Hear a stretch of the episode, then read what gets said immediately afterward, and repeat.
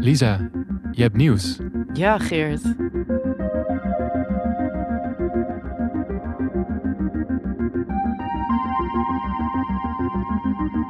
Ik heb een, eh, ik heb een nieuwe baan. Wow. Wat ga je doen? Ik blijf eigenlijk hetzelfde doen, maar dat ga ik bij eh Tivoli Vredenburg doen in Utrecht. Ja, je bent hier eh, marketeer, vooral gespecialiseerd in de nacht. Ja, dat ga ik daar dus ook doen. Daar word ik de nieuwe nachtmarketeer. Met een stukje programmering erbij. Ja, na elf jaar ga ik patronaat verlaten. En hoe voelt dat? Heel raar. En eh, dit is, eh, het is nu woensdag en dinsdag heb ik mijn laatste werkdag. En dat voelt totaal niet zo. Je bent eigenlijk nog niet klaar. Nooit klaar. Nee, ik was ook op zich op, oprecht niet voor mijn gevoel klaar bij patronaat. Maar dit is zo'n kans. En die wil ik aangrijpen. En ik heb er heel veel zin in. Goed nieuws, maar natuurlijk jammer voor, eh, voor de mensen bij Patronaat. En ja, volgens mij moeten we ook concluderen dat dan de podcast niet meer doorgaat. Ja, dat klopt. Ja, Ja. dit is de laatste aflevering. Ah, hoe Ja. kijk je erop terug? Ja, heel goed. Ik vind het super bijzonder dat ik hier over een podcast heb eh, mogen maken bij Patronaat. Dat daar ruimte aan is gegeven. Mm, terugkijkend op de serie. Ja, we, we hadden in het begin voor ogen, we doen vijf afleveringen. Dat zijn er vier geworden. Maar wel met vier hele leuke, goede gasten. Waar ik onwijs veel van heb geleerd. En waarvoor ik onwijs dankbaar ben dat ik hen heb mogen spreken over de onderwerpen die ik met ze in gedachten had. Ja, blij.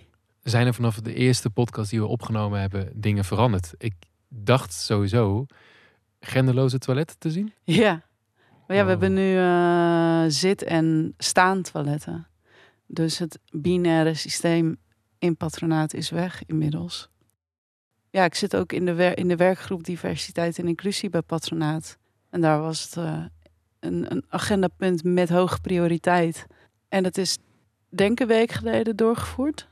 He- Heeft de, heeft de podcast binnen Patronaat gevolgen gehad, denk je? Ja, zeker. Ik heb ehm, doorgaans veel reacties ook gekregen van het personeel dat hier werkt. Ehm, die het heel leerzaam vonden. Die het ook ja, vanuit een ander daglicht op een bord eh, kregen. Ook vanuit het poppodiumperspectief. Dus ehm, denk altijd dat als je verandering wil, dat uitleg belangrijk is. En ehm, ja, in deze podcast is natuurlijk onwijs veel nuance en uitleg. En ehm, wat ehm, ook wel leuk is, maar dat ga ik helaas zelf niet meer eh, meemaken, is dat ik eigenlijk al sinds een jaar geleden zit ik in een best wel groot project hier bij Patronaat. Los van dat ik bezig was met het smeden van de plannen, mag ik ook een beetje een plasje doen over eh, wat er moet komen qua programma. Het is wel iets waar het programma gaat komen. Wat het is, moet ik nog een beetje geheimzinnig over blijven. Snap ik. In september kunnen jullie erheen. De laatste lijntjes staan uit. En ik hoop heel erg dat dat eh, over een jaar gewoon heel goed staat. En heb je het gevoel dat er binnen Patronaat mensen zijn die dat eh, stokje van je kunnen overnemen? Ja, ik denk dat ik sowieso met eh, mijn enthousiasme en ook met, met de podcast meer gesprekken heb kunnen voeren met ehm, personeel. Die het ook willen begrijpen en die het belang er ook van inzien. Dus nee, dat is heel waardevol. En ja, ik denk ook dat er mensen zijn die daardoor inzien van... oh ja, wacht maar, het is belangrijk hier bewust mee bezig te zijn... en dat volledig te omarmen. En dan gaan we nu luisteren naar eh, Vera Simons, Ja, 3FM, radio-dj. ja. En eh, op, bedenker en maker van de podcast Lesbische Liga. Voor jou ook een voorbeeld volgens mij, toch? Totaal. Ja, ja ik, ken, eh, ik ken Vera eigenlijk dus al heel lang. Van Twitter. Van Twitter, ja. dat hoor je straks ook in de podcast. Ja, het is een eh, onwijs leuk gesprek geworden. eh, leerzaam ook. ehm, waarbij we het veel meer ook hebben gehad over waarom het zo belangrijk is om je gelijken ook op het podium te zien. Terwijl ik die vraag stel, bedenk ook dat dit dan de laatste keer is dat wij eh, samen een podcast maken. Ja, geval, in ieder geval namens Patronaat. ja. Nou, Geert, het was fantastisch. Ja. Ik wil jou ook enorm bedanken. Voor de mensen die het niet weten, het is vandaag Geert zijn laatste werkdag. ook, ook, ik, ook ik stop hier. Ja. Ja, ja. ja we, schip. hebben, we hebben het samen gepland. Nee, Ja. Nee, Nou, ik heb genoten van jou. Thanks. Ik ook van jou. Ik vond het eh, een zeer waardevolle en eh, leerzame reis. Dank je. Maar ik denk ook dat dat soort reacties uiteindelijk mij wel motiveren van... nou, dan wordt er blijkbaar te weinig over gepraat. Want als dit jou zo aanstootgevend eh, door jou zo wordt bevonden... dan hebben we echt nog een lange weg te gaan. En dan moet ik maar die, die meid zijn. Ook al vind ik het heel vaak niet leuk. Ook al word ik excuuslesbo genoemd als ik op tv ben. En weet je, dan moet ik dat maar gewoon ook meenemen. Welkom bij Progress Podium. Tijdens deze podcast geven we podium aan iemand die zich hard maakt voor queer representatie in de cultuursector. En dat is hard nodig. Hoe neemt onze gast ruimte in met betrekking tot het onderwerp en wat is de uitkomst hiervan? We gaan erachter komen in deze aflevering. En deze keer is de gast een icoon. Punt. Ja, Jullie weten al wie het is. Je weet al wie het is. Het heeft geen uitleg meer nodig. Vera, Vera, je bent eh, radio-dj bij 3FM en podcastmaker en host bij Lesbische Liga. Ja, correct. Ja, Helemaal waar. te gek. Welkom. Dankjewel. Hallo. Goed om hier te zijn. Ja, hoe is het met je? Ehm, erg goed. Eh, Veel leuke dingen die weer gebeuren. Ik merk dat ik heel erg weer energiek ben geworden van dat er live shows zijn. Ik heb meteen weer FOMO. Ik ben de horeca aan het uitspelen. Dus dit is wel even lekker. Dit is gewoon echt zo die opmars, opmaat naar het festivalseizoen... waar je eigenlijk je kruid nog niet moet verschieten. Maar ik ben nu een beetje aan het aftasten hoe dat werkt. Dus Ja. dat is allemaal goed. En je gaat het daar druk krijgen ook, denk ik, Ja, met je werk. Ja, ik hoop het wel. Zoals het er nu naar uitziet wel. Als alles gewoon doorgaat. Ik, ik wil de hele tijd nog afkloppen. Maar ehm, ik ga ervan uit dat eh, van Pinkpop, Best Kept Secret, Lowlands... en dan zelf als bezoeker nog Down the Rabbit Hole... dat is in ieder geval eh, waar ik heel erg naar uitkijk. Zin in. Fantastische baan, hè? Ja, echt een droombaan. We Ja. kennen elkaar eigenlijk ook al heel lang. Dat weten de luisteraars misschien niet. Ik vind Maar het was leuk ooit dat je nu- Tinder. Nee, dat je nu zo... We kennen elkaar via... Nee, via Gasnapolski denk ik toch dat ik jou had geboekt. Ja, ik weet niet meer hoe dat nou... Je hebt, mij, je hebt mij inderdaad wel geboekt. Ja, We kennen elkaar denk ik gewoon van... eh boe, jeetje. eh, ik heb jou een keer op Down the Rabbit Hole geprogrammeerd en op Gasnapolski. Ja. Je Want ik heb jou zien, zien, zien draaien bij eh, Linde Schöne in Patronaat volgens mij. Wow. En toen dacht ik, vet. Wow, ja. Ja. Nee, wow, weet je, wij kennen elkaar via Twitter. Oh, nog daarvoor. Ja, nu wordt was het zo'n? Twitter-era. Ah! Ja, dit is mooi. Ja, ik weet nog wel die oude dagen van Twitter, maar ik heb het allemaal gewist. Het is echt... Ik zat op mijn vijftiende op Twitter en dat is altijd een slecht idee. Ja. Mensen van 15 moeten niet op Twitter zitten met hun voor- en achternaam. Ik heb volgens mij ook alles verwijderd, dus dat is maar goed ook.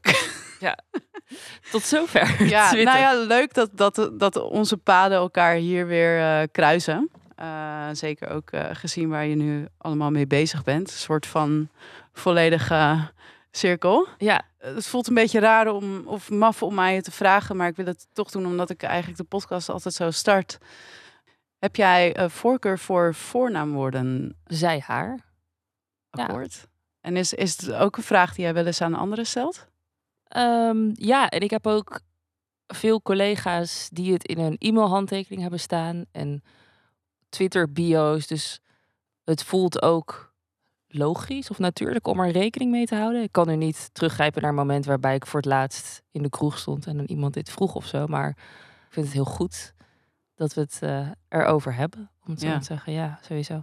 Waait het al, heb je het idee dat het al overwaait naar ehm, eh, heteronormatieve settings bijvoorbeeld? Of is het daar nog iets meer een taboe? Nee, dat, ik vind Gewoon het met- hard op een vraag. Maar daarom vind ik werk-e-mails is toch altijd is al zo een ding op zich. Dat is al, eh, ja, hoe leg ik dit nou uit? Maar dat vind ik al een soort corporate omgeving toch of zo. Dat als mensen het in hun handtekening hebben staan, dat het va- vast ook soms bij iemand aankomt die denkt, hè, maar hoezo? Staat Ja. dat er nu of zo?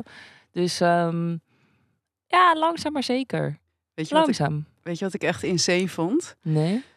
Mijn zusje die werkt eh, op de Zuidas bij een eh, heel groot advocatenkantoor. En ik denk dat het een jaar geleden was of zo. En ehm, we hadden het hier toen ook over. En toen vertelde zij dus ook over een werkgroep daar. Ze hebben daar een regenboogwerkgroep op het Zuidas bij dat advocatenkantoor. En die Mhm. houden zich bezig met eh, alles voor de community, ook binnen dat bedrijf. Zei mijn eh, zusje van, eh, ja, al mijn managers hebben hun pronouns in hun handtekening. En toen dacht ik, wow, Oh, zelfs sick. ik heb dat hier nog niet. Nu heb ik het wel. Ja. Mm, ja, want eh, ergens moet je... Maar ik dacht, op de Zuidas. De Zuidas heeft jou geëducate gewoon. Besef. Ja, ja, of in ieder geval Nee, dat het daar al eerder gebeurt dan bijvoorbeeld dat, dat ik het besefte. Ja. Dat, dat, dat, dat, dat, vond ik wel een Ja. lijpe gewaarwording. ja. hey, maar zeg, jij woont nu in Amsterdam, maar Mhm. daar ben je niet opgegroeid. Nee. Waar ben je opgegroeid? In Zundert. Zundacht. zeg Help even. Dus ik denk dat veel mensen het kennen, omdat je als je bijvoorbeeld Nederland, de Randstad uitrijdt richting eh, België of Antwerpen, heb je altijd het laatste tankstation. Hazeldonk, shout-out daar naartoe. En daar is het eigenlijk bij in de buurt. Dus eh, ik ben heel erg... eh Zundert ligt letterlijk aan de Belgische grens, onder Breda. Eh, als ik mijn straat uitliep, was ik ook letterlijk in België. Dus als wij vanaf de snelweg naar huis reden, reed je ook eerst door Nederland, door België en dan weer thuis. Dat vind ik altijd sick om over na te denken, want dat besefte ik toen nooit. Maar dat is best wel sick. En daar heb ik tot mijn zeventiende gewoond, gevoetbald, geleefd. Ik ben in Breda naar de middelbare school gegaan. En ja, daarna ben ik in Tilburg, Breda, Rotterdam, Amsterdam, overal nergens gaan, gaan wonen. Maar de eerste 17 jaar waren in eh, Midden-West-Brabant. Wat voor interesses had je als kind? Hmm, ja, ik moet toch het cliché antwoord geven dat het echt muziek is, was. Ik was altijd bezig met de top 100 of zo, stond in de krant. Een hitlijst, die knipte ik iedere week uit. En dat hing ook de keukentafel. Dan had je zo de eetstoel waar ik zat. En daarnaast hingen gewoon als een soort kalender al die hitlijsten op elkaar gestapeld. Zo. Dan kon ik gewoon tijdens het eten even naar rechts kijken. Wat zat op nummer 20? Zo, I don't know. Dat had ik daar gewoon hangen. Ik weet ook niet waarom. Eh, keek met mijn vader destijds iedere zondagavond. Was dat volgens mij de top 40. Ik maakte zelf cassettebandjes. eh, zodra het kon. En toen was ik zeven, ging ik voor het eerst naar een concert. Dat was dan Britney Spears. Dus dat was wel echt zo. Ik vond dat zo vet. Alles rondom muziek en naar een concert kunnen gaan. Dat was echt het sickste wat er toen in mijn leven kon gebeuren. Nu nog steeds natuurlijk. Maar ik heb ook gevoetbald, geskateboard, dat soort dingen. Maar muziek is wel altijd een eh, grote hobby geweest. Wat, wat heeft je zo getriggerd altijd bij muziek? ja, de breedte, de diversiteit. Kijk, als ik zeg muziek, dan kunnen we het ook allemaal in genres, in hokjes gaan vatten. Want ik ben begonnen bij Britney Spears. Ik heb een soort halve emo, nou niet echt fase gehad. Dus het gaat gewoon echt alle kanten op. Dat vind ik zo vet. En ik denk gewoon aan de eerste herinneringen aan clips aanvragen bij de box en TMF kijken. En een soort van bereikt worden door, eh, nou, veelal denk ik Amerikaanse groepen en bands en sterren. Of ik zag volgens mij Good Charlotte of Avril Lavigne All-Stars dragen. En toen was ik nog heel jong en had je niet echt internet. En probeerde ik, of je had wel net internet, maar probeerde ik heel erg lang te zoeken hoe die schoenen heten, waar je ze kon kopen. En dan ging ik dan in Breda. Een soort van, ik vind, muziek heeft mij gewoon heel veel eh, community gevoel, heel veel ja, culturele dingen gebracht of zo. Waar ik dan dacht van, oh, dit is een optie, dit kan. Ik wilde skater zijn toen ik eh Complicated op, eh of Skaterboy, weet ik veel, op, op de videoclipzender zag. En ehm, ja, ik vind onder muziek valt gewoon heel veel. Voor mij ook in mijn leven. En dat vind ik er zo vet aan. Als het een eenduidig antwoord is. Zeker, heel veelzijdig. en ehm, was er ook een gedeelde interesse die je vrienden hadden? Ehm, ik denk niet zo gestoord als ik. Want even voor de goede orde. Ik had een dekbed met Britney Spears haar hoofd erop. Een rugzak met haar hoofd. Ik kocht een Britney Spears fan magazines. Die uit Amerika kwamen of zo. I don't know. Dus ik was wel een beetje meer doorgeslagen dan vriendinnen om me heen die het ook vet vonden. En eh, iets later had ik dat nog steeds wel. Maar ik weet nog heel goed dat ik in Breda naar de middelbare school ging. En wel echt meer richting het bandgeluid. Ik luisterde toen al veel 3FM. En dat waren wel artiesten of bands die niet zeg maar veel eh, in Breda om de hoek speelden of wat dan ook. Daarvoor moest je natuurlijk echt naar de hoofdstad.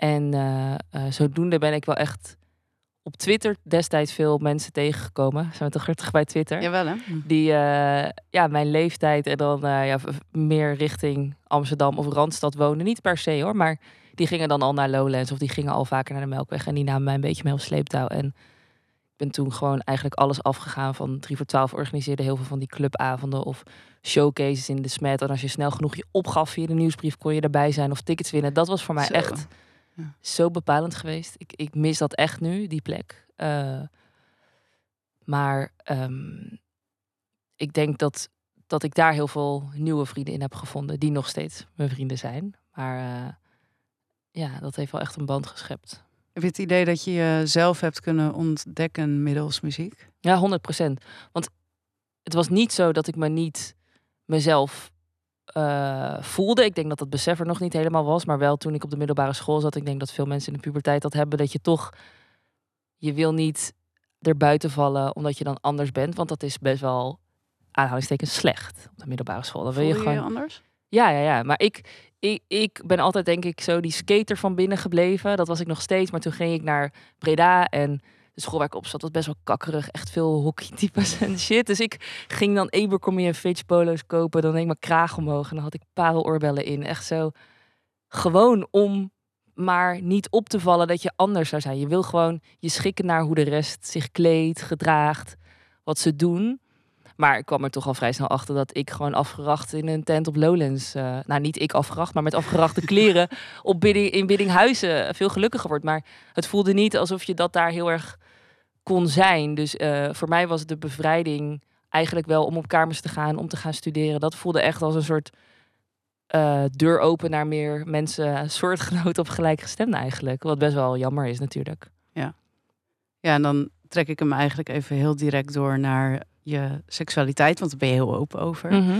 Eh, op welk moment realiseerde jij dat je lesbisch bent? Kijk, je, je hebt dan heel vaak als het hierover gaat, dan kan je ook terughalen naar bijvoorbeeld, ik heb veel vriendinnen die eh, lesbisch, queer zijn, die kunnen plaatsen van, oh, de basisschool was ik altijd verliefd op de juf of dat en dat, dat soort momenten. Eh, die heb ik ongetwijfeld ook, maar dat weet ik niet zo heel bewust. Maar ik was, ehm, ja, als ik vind altijd heel moeilijk om dan één moment te bedenken. Maar ik denk dat het gewoon was toen ik op eh, het allereerste meisje ooit verliefd werd. En dat was op mijn zeventiende. Ja, ik was net 17. En ook gewoon hoe debiel lang ik niet door had dat dat een verliefdheid was. Dat ik gewoon dacht, ik wil echt super graag vrienden zijn. zeg maar zo. En eh, ja, dat was dus toen in Tilburg, toen ik ging studeren. Toen ik daar eh, ja, een opleiding ging volgen en een soort nieuw leven kon aanmeten. Zo voelde het wel. En ik denk rond mijn zeven, ja, 17, omdat dat echt zo wat duidelijker in beeld kwam. Je had natuurlijk al eerder Ja. tekenen of dingen die je op tv zag. En dan achteraf denk ik van ja, waarom keek ik de hele tijd die scène terug van, wat was het? Jolante en, niet Geraldine of zo. We hebben het hier nog heel lang een keer over gehad in de Liga. Van, dat ze een opdrachtspel hadden van BNN. En dan moesten ze voor de grap met elkaar zoenen. Gewoon twee hetero vrouwen. En dat ik dat op YouTube heel vaak heb opgezocht en zo. dat ik dat nu hardop durf te zeggen. Maar dat was natuurlijk heel gênant. En ik wilde echt niet dat Ja. mijn moeder dat toen had gevonden. Maar Dat is wel iets algemeens, toch? Ook? maar, maar ik, en ik het ook gewoon verder niet meer bij stilstaan. En gewoon lekker zo jongens tongen in de club, I don't know. Ja. Ja. Maar dat heeft dan ook alweer een beetje eh, toch te maken met dat stukje representatie waar je nu hard voor aan het maken bent, toch? Ja. Wa- Ja. Want ik, ik herinner mij ook gewoon als we dan biologielessen hadden, dus echt nog de eerste jaren van mijn middelbare school, die waren dan in Zundert of seksuele voorlichting.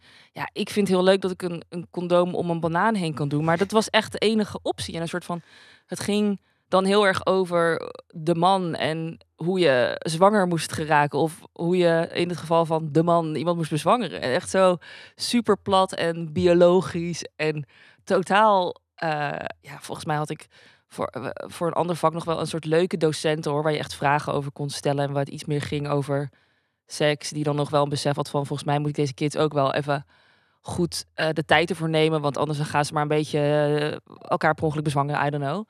Maar in mijn hoofd was het niet een optie of zo. Dat is gewoon heel sad als je erover Ja. nadenkt. Welke representatie had je nodig in je jeugd? Als je er zo op terugkijkt. Eh lesbian TikTok. Oprecht? Nee, het, het is gewoon, ik ben er nu te oud voor, als in ik ben Nee, natuurlijk 28.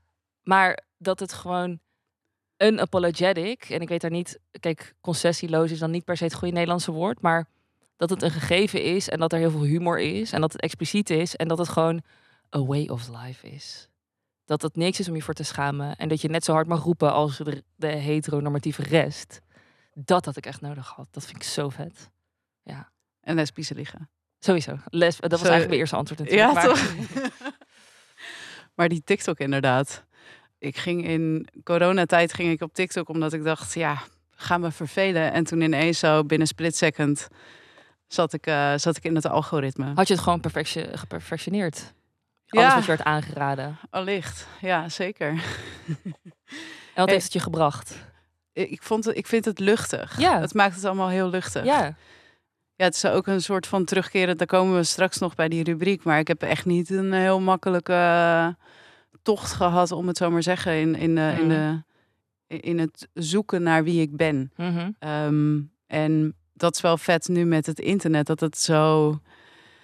eh, dat er zoveel uitgestuurd kan worden en, en dat er communities ontstaan. Daar wil ik het zo ook met je hebben over Lesbische Liga. Want ik weet ook dat jullie luisteraars echt heel dedicated zijn en elkaar weten te vinden.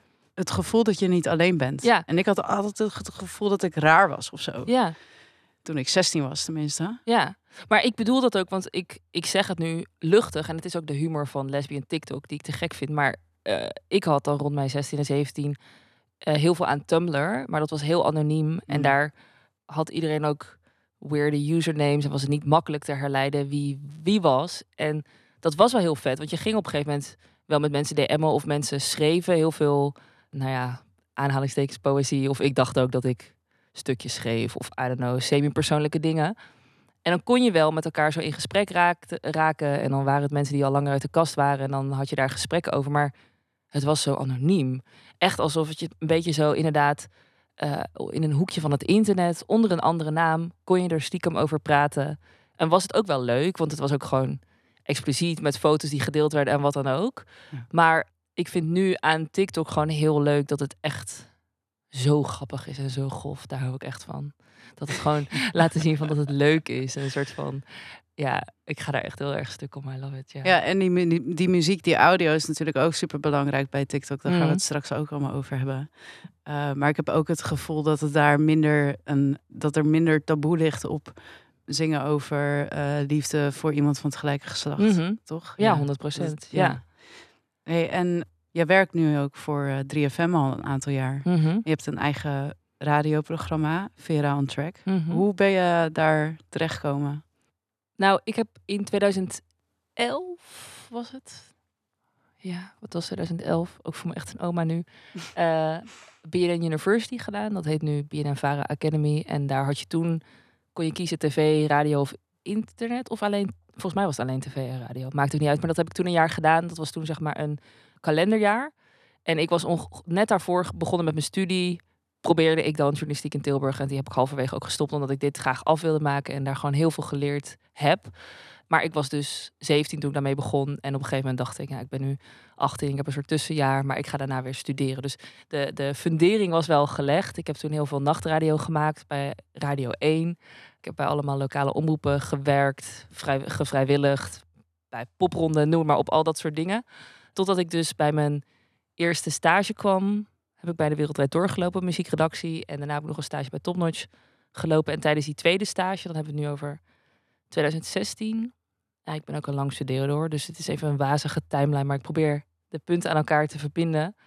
Tijdens die tweede stage kreeg ik uh, bericht van Angelique, goede vriendin van mij, met wie ik destijds university heb gedaan. Dus die wist, oh Vera, hij is echt een ja, 3FM-luisteraar, die hard. Die, ja, die vind je op Lowlands de hele tijd overal. En die gaat tegen iedereen aanpraten van, oh, heb je dit gecheckt? Heb je deze band gecheckt? Bla, bla. Dus die zei van, ja, ik ben gevraagd om naar 3FM te gaan. En ik wil eigenlijk jou heel graag meenemen als producer, omdat... En dat vind ik ook bij ons twee. Onze muzieksmaken zijn heel gevarieerd. Ook heel, heel veel andere hoeken die we raken. Maar ook er zit een hele interessante overlap tussen. En zij zei van ja, mij lijkt het gewoon een goede match om dat samen dan te maken op 3FM. Althans, Angelique is natuurlijk de DJ. Maar wil je dan producer zijn, zodat je ook als iemand een obscure band die ik misschien niet ken, dat jij het kent. En dat we zo elkaar kunnen versterken als het ware. Dus toen um, ben ik bij haar als producer begonnen. En na een paar maanden vroeg 3 voor 12 Radio uh, om te solliciteren voor toen een functie als producer die vrijkwam bij Roosmarijn Rijmer. Dat, dat werd ik uiteindelijk dus met, een soort lood in mijn schoenen tegen Angelique gezegd. Sorry, maar uh, mijn hart ligt bij 3 voor 12. Ondertussen, nou, mijn studie een beetje op een lager pitje, want toen ging ik dus wel fulltime werken.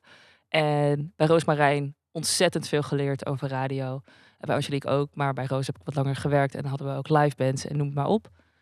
Toen heb ik toevallig een keer met vrienden van mij op Kicks Radio meegepraat. Dat hoorde iemand bij 3 voor 12 en die zei, wil jij niet een keer een demo maken? Ah ja. Dus ja, het is een beetje een, misschien een warrig verhaal, maar ik heb natuurlijk ook radio gemaakt. Of dan zat ik in de nacht en dan dacht ik, oh, ik kan wel ooit een demo gaan maken, misschien voor 3FM. Maar toen ik dus stage ging lopen bij muziek, eh, redactie of bij een platenlabel, was ik meer op de achtergrond bezig. En liet ik eigenlijk die radiodroom een beetje gaan. Want ik dacht, ik wil gewoon de muziekindustrie begrijpen. Ik wil gewoon een artiest of een band een podium brengen. Ehm, want heel veel van mijn collega's die hebben echt uh, ja, de classic way gewoon demo's gestuurd. En dan begin je in de nacht. En ik heb een beetje een ander pad bewandeld. Maar daarna ben ik dus in de nacht, mocht ik programma gaan maken. En uh, ja, toen in oktober 2018 naar het weekend een programma. Ja, dus die droom is eigenlijk een beetje ontstaan binnen je loopbaan. Ja, want ik, ik heb altijd dus ook inderdaad zo cassettebandjes opgenomen en mijn zusjes met de haren erbij gestuurd dat ze mee moesten doen met radiootjes spelen. En ik heb dat altijd super vet gevonden, maar het was ook weer een tijdje uit het oog, omdat ik het gewoon heel leuk vond wat ik toen aan het doen was. En eigenlijk doordat het toen weer op mijn pad kwam, dacht ik, ja, maar ik heb denk ik ook wel iets te zeggen of iets toe te voegen aan het radiolandschap zoals hij nu is. Of een sterke mening over muziek. Dus dan moet ik het ook maar gewoon proberen. Kijken of het, uh, kijken of het wat is. Wat is jouw sterke mening over muziek? Meer Girl in Red. Meer Girl in Red op uh, Daytime Radio. Ja, dat, nou, dat, dat, lukt op 3FM, dus dat is wel fijn. Ik heb dus altijd het idee, maar je mag me corrigeren, dat het wel iets is wat jij heel erg hebt geplucht binnen 3FM. Ja, er waren geen andere mensen die het rijden aan het begin. Nee, klopt. En ik uh, vond dat heel leuk, omdat ik dat heel sterk zelf voelde. En dat is ook super fijn dat ik die vrijheid krijg in mijn weekendprogramma. Dat ik toen ook. Uh, ik weet nog heel goed dat ik zei: Ja, ik, ik draai dat liedje een paar keer. En ik, ze was ergens aan het spelen, volgens mij in België of ergens in Europa. En dan zei ik gewoon tegen mijn redacteur producer van... kunnen we niet met haar gaan bellen? Dan kan ik haar een beetje introduceren aan de luisteraar. En toen hadden we nog zo één op één contact met haar manager en zo. Toen was het gewoon nog heel klein. Want nu zit er natuurlijk een label tussen en veel meer andere dingen. Maar ik vond het heel leuk dat ik toen zelf zo... hey, ik ben Vera, ik maak een programma, ik vind Girl Red leuk. En een soort van... Uh, dat, dat je dan echt een band hebt met een artiest. Want ik hou niet zo van humble brag, maar het is wel zo dat we weten wie we, uh, ja, dat zij weten wie ze voor zich heeft als, als je Vera zegt of zo. Dus daar ben ik wel dankbaar voor dat het helemaal zo heeft kunnen groeien eigenlijk. Ja, hoe heb je haar ontdekt? Ja, ik was er, ik denk dus dat ik echt die eerste keer dat ik het op 3FM draaide moet gaan terugluisteren. Want daar heb ik het ongetwijfeld verteld, want ik heb het zelf ook in het systeem moeten zetten. En ik denk ook dat het zo via Soundcloud of zo ging.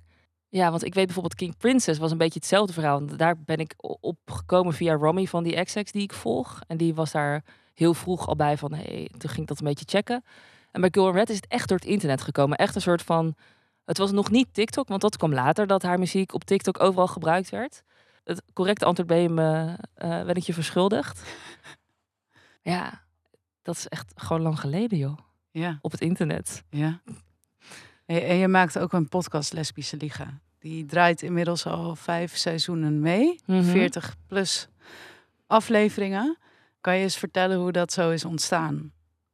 Ja, ik uh, liep dus stage bij de Wereldrijd Door en ik leerde daar Anne Fleur kennen. Die was daar in dienst. En um, ik klikte heel goed met haar qua humor. qua gewoon domme grappen maken. Dus zijn gewoon goed bevriend geraakt. En uh, ja, ik heb dan ook een appgroep met haar vriendin en mijn vriendin met z'n vieren. Dat heet dan Lesbisch Double Dates. En een soort van... Ik heb niet zo... Sommige mensen hebben echt een queer vriendengroep. Of echt een hele grote scene of zo. Ik heb dat nooit echt gehad. Maar wij konden met elkaar en dan onze vriendinnen vaker bij gewoon heel veel bespreken over het wel en wee van een lesbie in de hoofd. Dat zeggen we altijd een beetje als grap. En ja, wij waren allebei super hype toen de L-Word, de serie, um, die is ongeveer 13 jaar geleden voor het eerst uitgezonden op in Nederlandse televisie. Was het een beetje s'avonds ergens op RTL of net 5 of zo. Een beetje weggestopt. Heel obscuur. Uh, die kwam dus terug. En ik zag op Twitter in één keer mijn timeline mensen daarover tweeten van... oh, de L-word komt terug. En allemaal mensen die ik al volgde... waarvan ik dacht, ja, ik weet misschien wel dat je lesbisch bent... maar we hebben dit vroeger allemaal gekeken... en we wisten het niet van elkaar. Dus dan ga ik een beetje terug naar wat we net zeiden over Tumblr... van was allemaal een beetje stiekem, was allemaal niet per se leuk. En ik keek het dan met mijn ja, toenmalig, dus die eerste vriendin die ik had, die had het dan op DVD. En ik keek dat dan met haar en twee andere vriendinnen. En ik kende dat helemaal niet. En ik was echt zo helemaal overweldigd daardoor. Dat heeft echt zieke indruk op mij gemaakt. Dit ook niet of per se positief is. Maar wij dachten, we moeten er iets mee dat dit terugkomt. Want we hebben het idee dat wij als community gewoon... als lesbische, bi, queer vrouw worden onderschat. Dat het een beetje wordt gedaan alsof het maar een paar mensen zijn. We zien onszelf op tv te weinig. Als in, ik kan heel veel uh, gay mannen opnoemen die goede tv maken of die aanschuiven overal. En bij vrouwen kwamen we gewoon niet verder vaak dan de iconische Claudia de Brij. Um, of je hebt uh, wel andere uh, sporters, bijvoorbeeld Nederlands elftal of een Irene Wust. Maar gewoon je, het ging natuurlijk nooit echt over lesbisch zijn of zo. Of die waren gewoon niet zo. Ja, we missen daar gewoon heel erg een, een, een, een, een rol, nog meer rolmodellen, mm -hmm. uh, denk ik. Representatie en de combinatie van dat we blij waren dat de L weer terug was en dat we dachten, we zijn echt ondervertegenwoordigd op televisie. Moeten we het maar zelf gaan doen eigenlijk. En zo is het dus uh, begonnen met de Liga. Ja.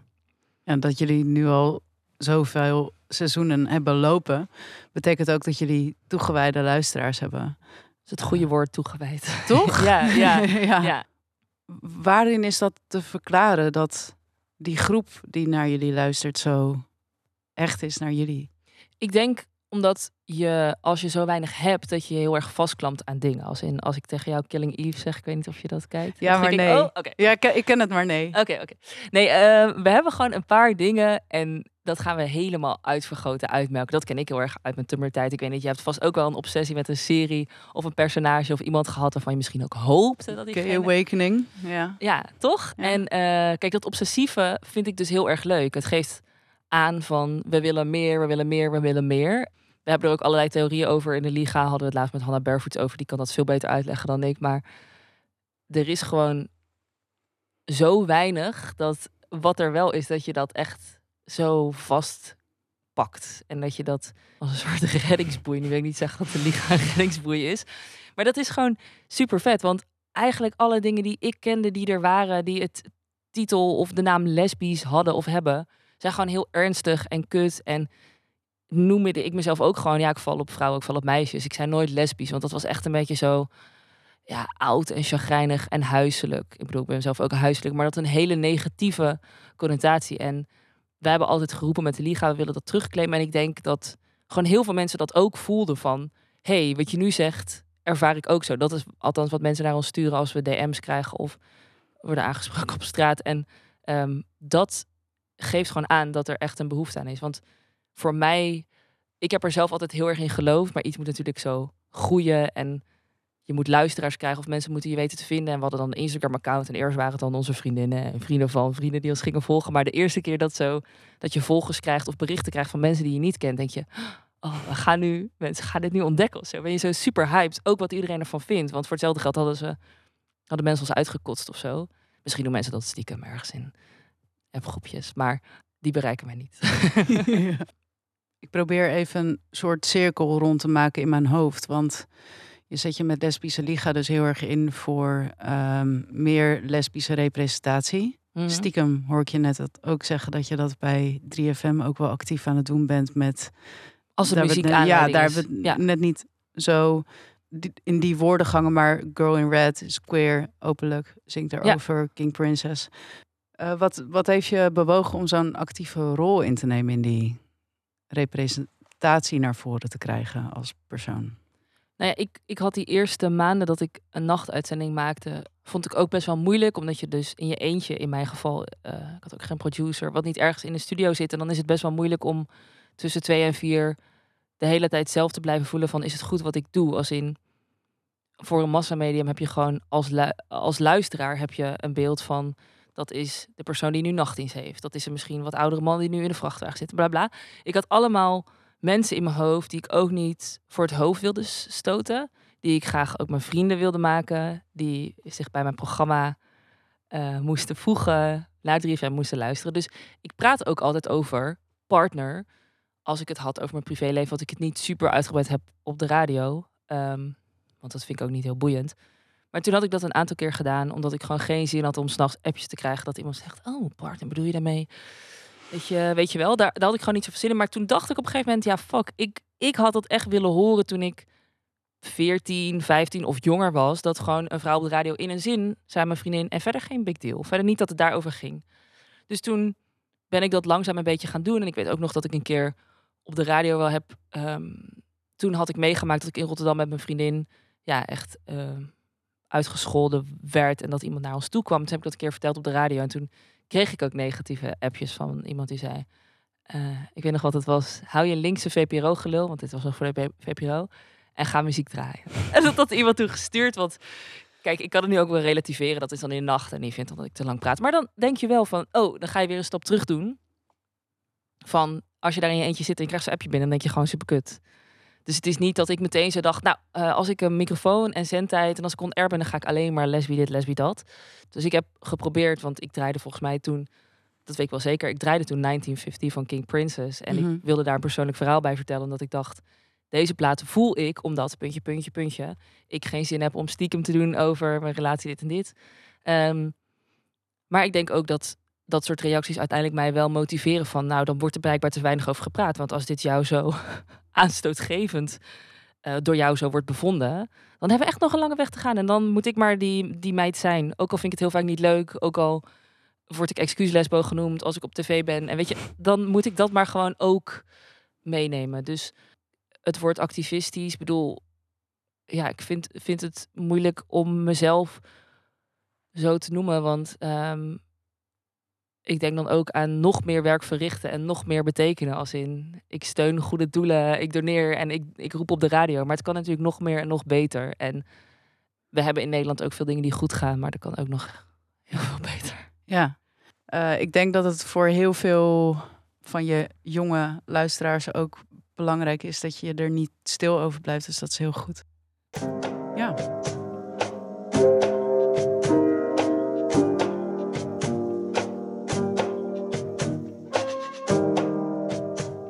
Nou, we zijn aangekomen bij eh, de rubriek Vera. En ehm, die behoeft een beetje uitleg. Eh, namelijk in 2012 kwam Channel Orange uit van Frank Ocean. En die plaat was voor mij heel belangrijk als het aankomt op eh, representatie.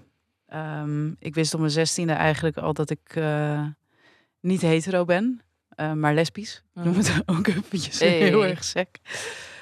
En ik, ja, op, pas op mijn 23ste voelde ik me comfortabel bij. En ik voelde me nooit gerepresenteerd. Dus ik identificeerde me niet met mijn geaardheid op basis van wat in de media werd afgebeeld. Dus dat ja, was niet heel. ehm, niet, ik had lesbian TikTok nodig eigenlijk. Ja, ja, ja. Precies. Ehm, maar ik liep stage bij Pias, eh, bij een platenmaatschappij. En via via kreeg ik eh, die cd van Frank Ocean dus op mijn bureau. Omdat ik aangaf fan van hem te zijn.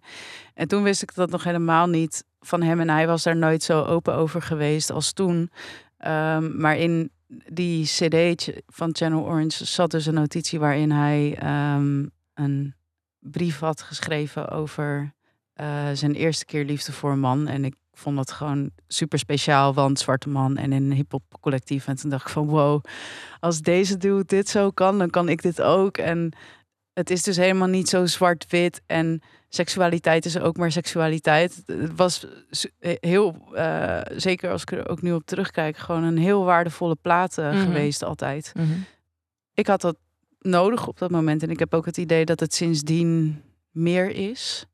Dus ik hoop ook dat meer mensen representatie vinden. Mijn vraag ook aan jou is: wie is voor jou belangrijk geweest? eh, vroeger of, of nu? Eh, naar wie kijk je graag? Ja, het, het is dan heel cliché, maar ik ga toch op Girl and Red uitkomen. Ja. En dat is mm, om het feit dat, ehm, kijk, je coming out of dat ik op mijn zeventiende aan de rest van de wereld vertelde, ik heb een vriendin. Dat is niet punt, zeg maar. Dat is niet, oké, dan ga je door met je leven. Dan begint het eigenlijk pas. Al die momenten dat je weer uit de kast moet komen. Of ik weet nog dat ik gewoon onder Facebook postte, gewoon openbaar had. Dat iemand zei van, oh, dit is je vriendin. Oh, op die manier. Oh, sorry, jij lekker gefixt. En dan ging een man dat gewoon een jongen gewoon eronder posten. Het gebeurde allemaal zo openbaar dat als ik er nu over nadenk, dat ik denk, oh my god, ik hoop dat jullie dit ooit ook nog weer realiseren en denken, dat is echt raar. Ehm, dus het voelde echt als een lange weg te gaan en het was nog steeds echt zo, wat ik net een beetje zei dat over Tumblr, trouwens Frank Ocean op Tumblr, zo van, dat was ook die ja, post toch? Ja. Dus eh, er was al Ja. iets gaande, maar dat was zo ik maakte zelf heel veel spottende grappen pot, eh, over mezelf altijd in eh, sferen of omgevingen waar ik duidelijk de only gay in the room was. En eigenlijk tot bijvoorbeeld de show van King Princess die ik zag. Waar gewoon meiden waren die een stuk jonger waren. Daar was ik met mijn vriendin als bezoeker. We hadden gewoon al een paar jaar een relatie. En wij zagen daar die kids gewoon met vlaggen, zo expliciet. En ik weet nog heel goed dat ik op mijn airdrop als een boomer had aanstaan voor iedereen. En dan gingen mensen je foto's, memes of expliciete foto's sturen.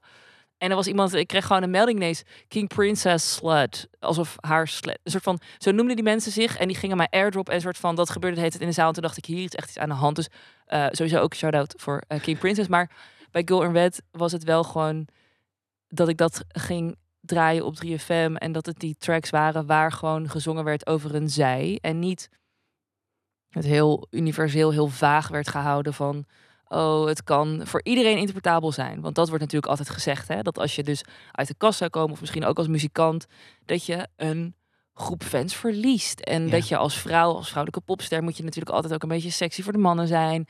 En eh, ja, kan je maar beter niet zeggen dat je bi of lesbisch bent, want uh, dan gooi je allemaal deuren dicht. Maar dat is echt niet waar. En zij heeft juist nog meer mensen naar zich toe gehaald hierdoor. Want het feit dat al haar, of heel veel van haar tracks gebruikt worden in TikToks, zijn we weer bij lesbian TikTok, geeft zoveel aan. En ik vind het dus heel vet dat haar laatste album, wat gewoon huge is, als in er is een track bij die door Phineas van, van Billie Eilish is geproduceerd.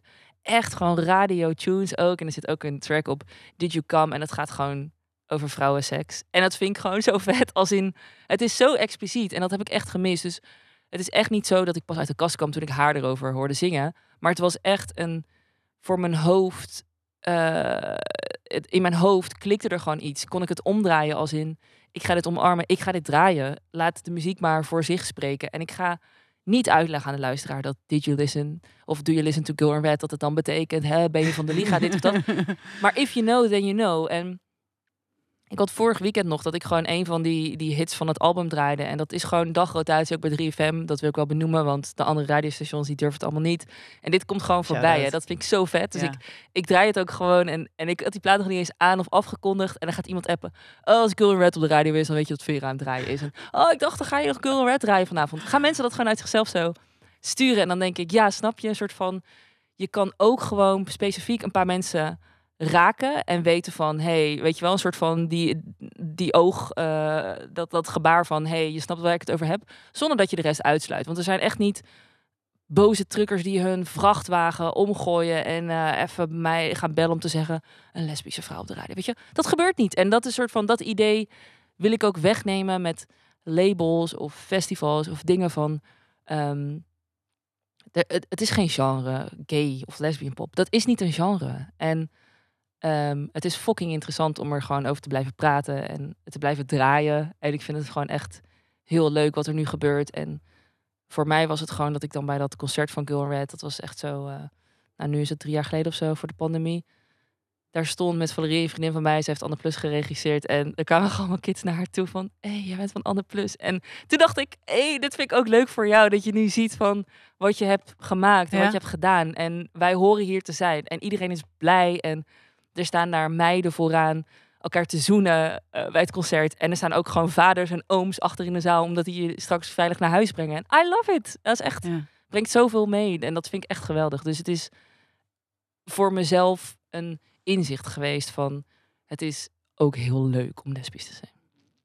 En, en waarom is het zo belangrijk dat zij dat podium ook krijgen? Dat grote podium omdat we anders heel erg blijven hangen in die ellendige stereotypes van um, en Benedetta of andere idiote films die in de bioscoop draaien, die een groot podium krijgen, waardoor echt een groot deel van de mensen die niet lesbisch is, een bepaald beeld heeft over lesbiennes of over queer vrouwen. Ja, we hadden het ook, want wij hiervoor hebben wij eventjes gebeld voor we dit gingen opnemen. En toen hadden we het ook even kort over Tattoo en ja. Katy Perry, waarin feitelijk uh, de, de seksualiteit een soort van wordt geseksualiseerd of zelfs wordt een selling point. Ja. maar het niet serieus wordt genomen. En dat vind ik dus een wezenlijk verschil van dat het dus heel erg inspeelt op het tattoo die daar aan de tong is bij het hek, dat dat eigenlijk gewoon softporn is voor de heteroman, om het even heel erg kort door de bocht te zeggen. Of Katy Perry, I Kissed a Girl, My Boyfriend. Die komt altijd weer om de hoek kijken. Dat is ook bij films zo. En dat is gewoon fucking hinderlijk. En daarom mag, moet iemand als Girl in Red, King Princess, Romy van die XX, zo kan ik een heel rijtje afgaan, daar gewoon op het podium staan en zeggen, hey, uh, mijn vriendin en ik, of ik zing over dit. En no punt. Ja, ja. precies. Ja, ja daarop, ehm, ik, ik heb zelf het idee dat die, eh, dat die artiesten ook steeds meer podium krijgen dankzij ook fans. Mhm. Eh, het hele ding wat je net noemt met uh, You Listen to Girl in Red, dat is eigenlijk codetaal voor, eventjes uitleg voor uh, mensen die niet queer zijn of lesbisch. Het is codetaal voor, yo, ben je gay, Ja. toch? Dat, dat is feitelijk wat het is. Ja, en dat is eh, eh, grappig en leuk. Als in ik heb er nu ook een tasje van. Dus als ik door de stad loop, dan heb je soms Ja. blikken omdat je denkt, oh ja, ik loop met deze tas. Maar ook omdat op TikTok, eh, wat natuurlijk nog steeds een Chinees bedrijf is, heel veel dingen gecursed en weggehaald worden. Dus lesbian of eh, jonge kids die uit landen komen waar je niet openlijk gay kan zijn. Dat je die woorden gewoon niet kan posten of in de mond wil nemen. Of echt een soort safe space wil creëren. Dus het is er ook echt zo om op een veilige manier dan if you know, then you know, dat eh, te kunnen zeggen. Wat Ja. enerzijds ook wel de ernst van de zaak aangeeft, een soort van. Ja, ja, zeker. Maar die artiesten ook, dankzij jou, krijgen inmiddels dan weer een groter podium. Het is vandaag, ik zal het even benoemen, dan hebben mensen besef van tijd. Het is vandaag vrijdag 18 maart. En op vrijdag ehm, heb ik eigenlijk een, een soort van dagen, een, een, een dagroutine. Dat is namelijk alle nieuwe muziek checken, omdat het eh release dag is.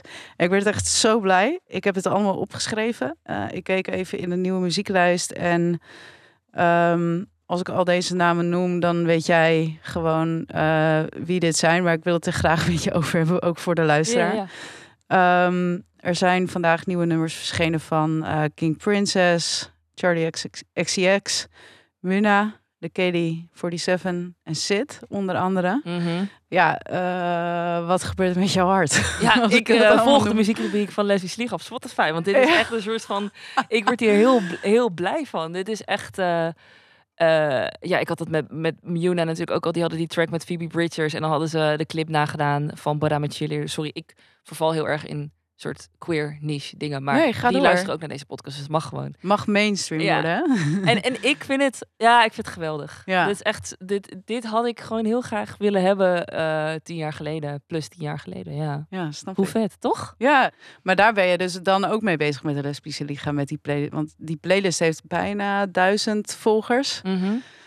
Dat is ook echt eh insane veel. En Ja, die ik- lijst ik- is ik- super lang. Ik heb gewoon playlist waar ik al bijna tien jaar aan werk. En dan kom ik niet verder dan 200 volgers. En je zegt ergens het woord lesbisch.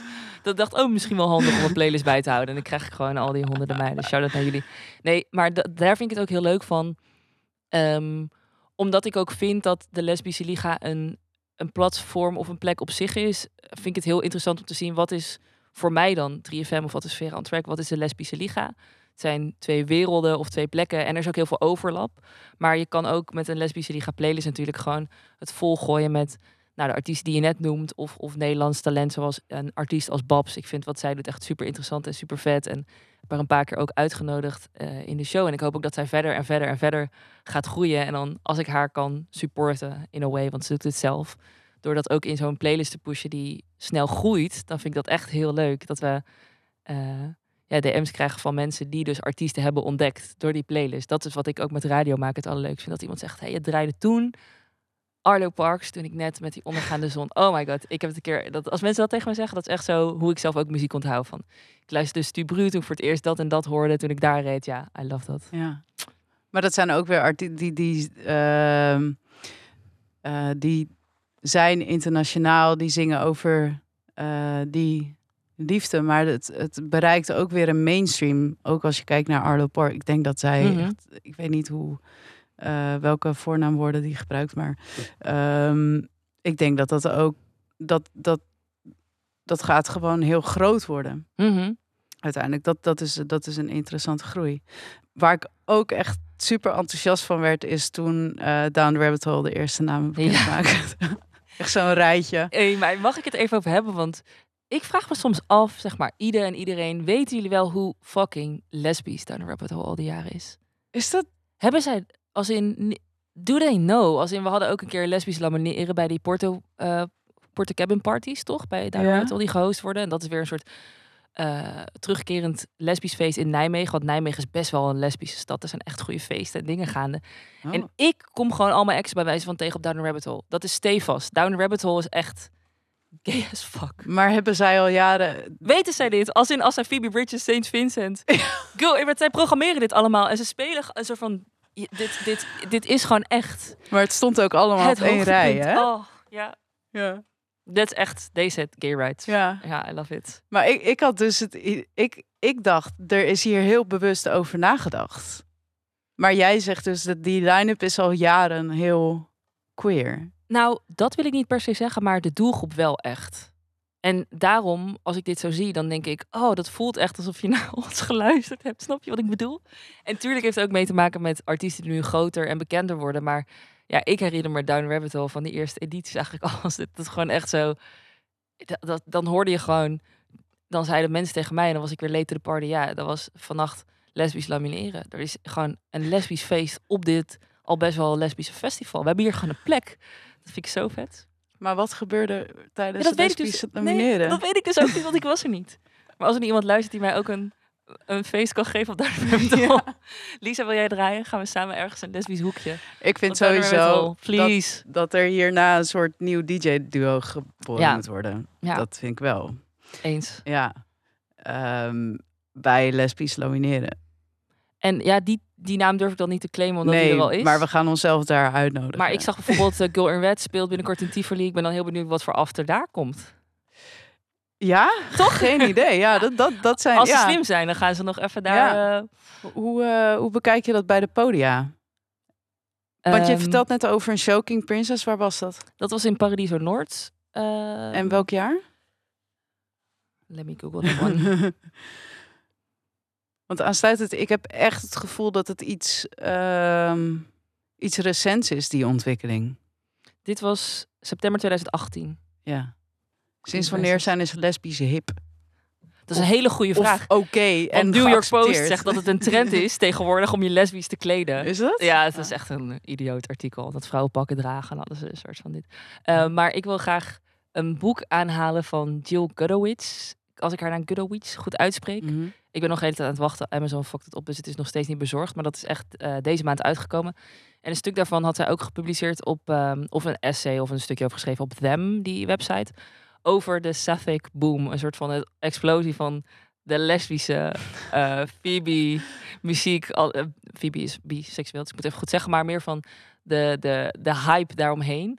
En eigenlijk wat wij net beschrijven van dat we van een verre weg zijn gekomen. En dat we er altijd al waren. Maar zij kan het beter uitleggen dan ik. Eh, en dan hoop ik heel erg dat Poppodia of programmeurs het ook lezen. Snap je wat ik bedoel? Ja. Een soort van, wij weten dit of zo. Wij Ja. weten waar we vandaan zijn gekomen. Maar ik hoop dat jullie ook snappen dat het echt zo belangrijk is. En dat het gevoel als je daar staat in een zaal met mede-lesbisch of mede-queer personen. Dat is echt, ja.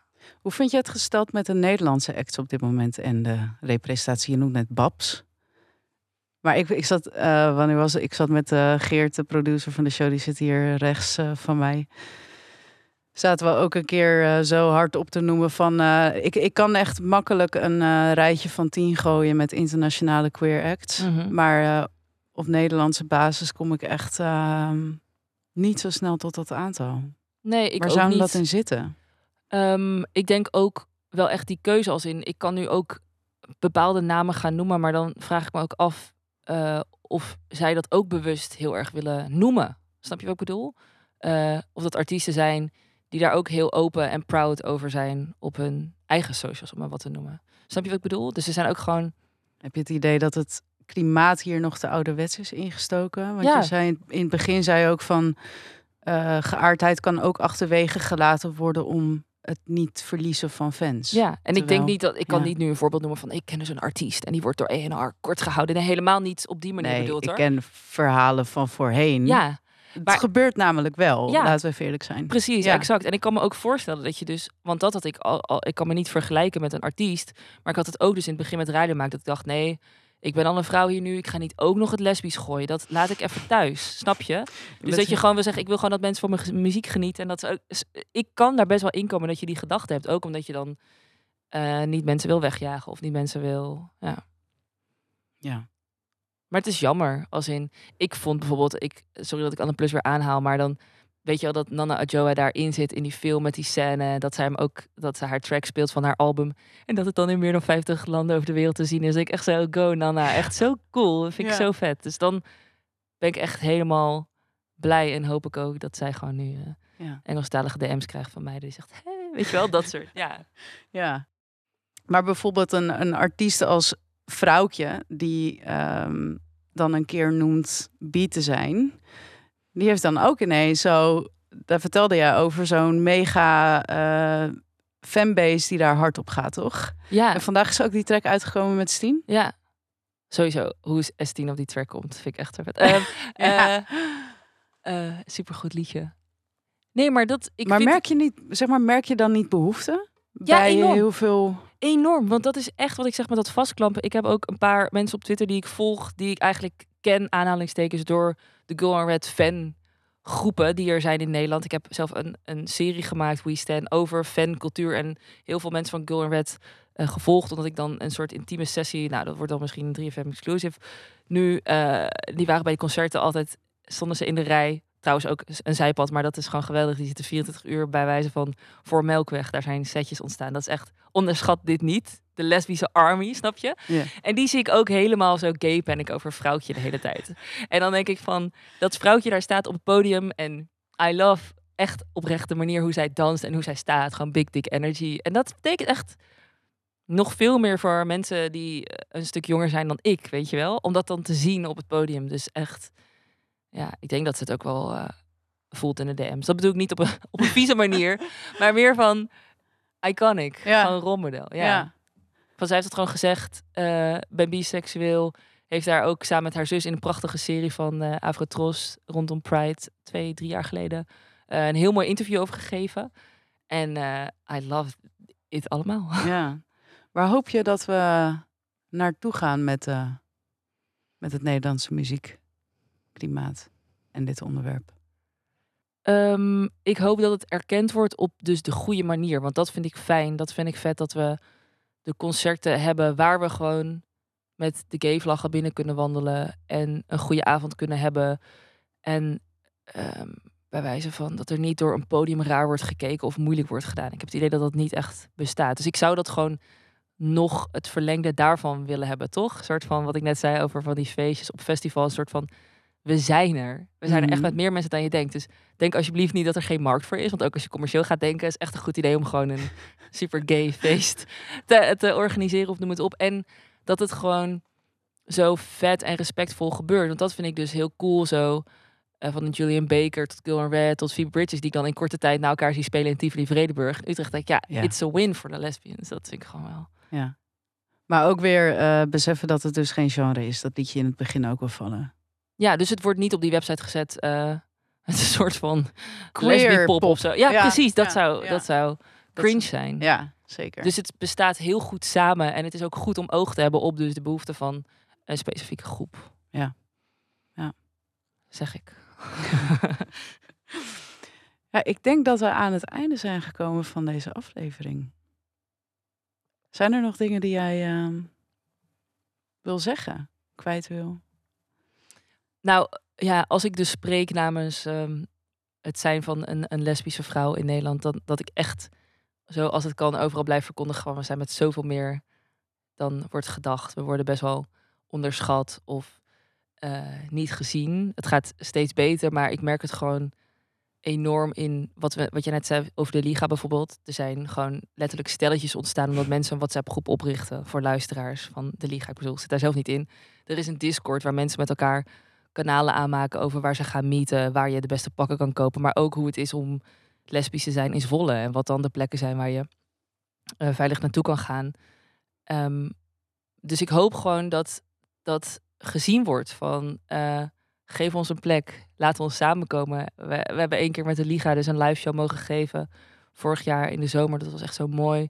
Tussen al die maatregelen door dat het zie het wel kon en dat we daar met 300 mensen in de in een ronde in Tivoli zaten. En dat was echt fun. Als in, ik zag iedereen, en dat zegt niet een soort van wij van WC Eend, maar iedereen had gewoon lol. En dat Claudia de Brij zei van, what the fuck, ik wou dat dit er was. Was zij erbij? Ja, Lijp. we waren gewoon een paar dagen van tevoren gezegd van... hé, trouwens, we willen je graag uit... Maar het is ook een beetje gênant, want zij is zo iconisch... en je wil haar niet steeds vragen van... kan je anders even eh, als een soort clowntje... en zij zei van... oh, in Tivoli in Utrecht. Zij was daarbij, is met haar vrouw gewoon belangeloos... is er daar gaan zitten, is... Nou, zij gingen, wij gingen haar ook interviewen en zij ging zeggen van... eh, ja, ik heb een gay loopje. En we zeiden, oh, doe eens voor. Gaat ze daar gewoon lopen op het podium. Iedereen joelen en klappen. Dit soort tafereelen bestaan gewoon. Ja. Vervolgens zegt Claudia de Brij... ja, we gaan straks allemaal naar die en die kroeg. Loopt ze voorop met ons en allemaal tieners, twintigers achter haar aan naar, naar een of andere gaykroeg in Utrecht die niet weet wat er overkomt, ergens ander fusten moet gaan bijhalen omdat er ineens een lesbisch leger. Dat zijn wij, met Claudia de Brij voorop. We komen ineens, zorg dat je genoeg bier hebt, want het- we zijn met heel veel mensen. Check. Dat wil ik zeggen. Ja. ik denk een hele goede om mee af te sluiten. En ja, let's go.